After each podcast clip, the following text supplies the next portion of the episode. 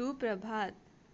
मैं भगवत गीता के सप्तम अध्याय ज्ञान विज्ञान योग के साथ। साधिभूताधिदैवं माँ, साधियज्ञं च ये विदुः। प्रयाणकालेऽपि च माँ, ते विदुर्युक्तचेतसः। अर्थात जो मनुष्य अधिभूत, अधिदैव और अधियज्ञ के सहित मुझे जानते हैं, वे युक्त चेता मनुष्य अंतकाल में भी मुझे ही जानते हैं, अर्थात प्राप्त होते हैं।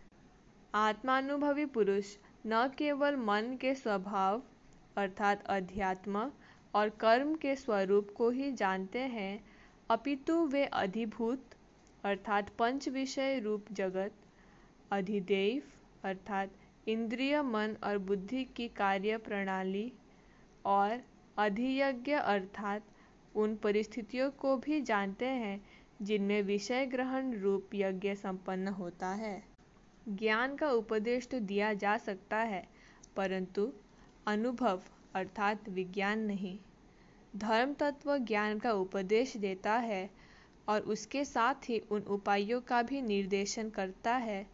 जिसके द्वारा वह ज्ञान साधक का अपना विज्ञान बन सके और जीवन के साथ एक रूप हो जाए।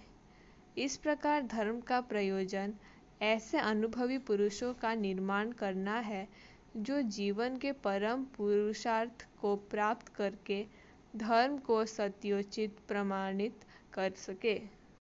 ऐसे पुरुष अधिभूत, अधिदेव और अधियज्ञ के सहित परमात्मा को जानते हैं। और वे युक्तचेता मनुष्य अंतकाल में भी परमात्मा में प्राप्त हो जाते हैं। धन्यवाद।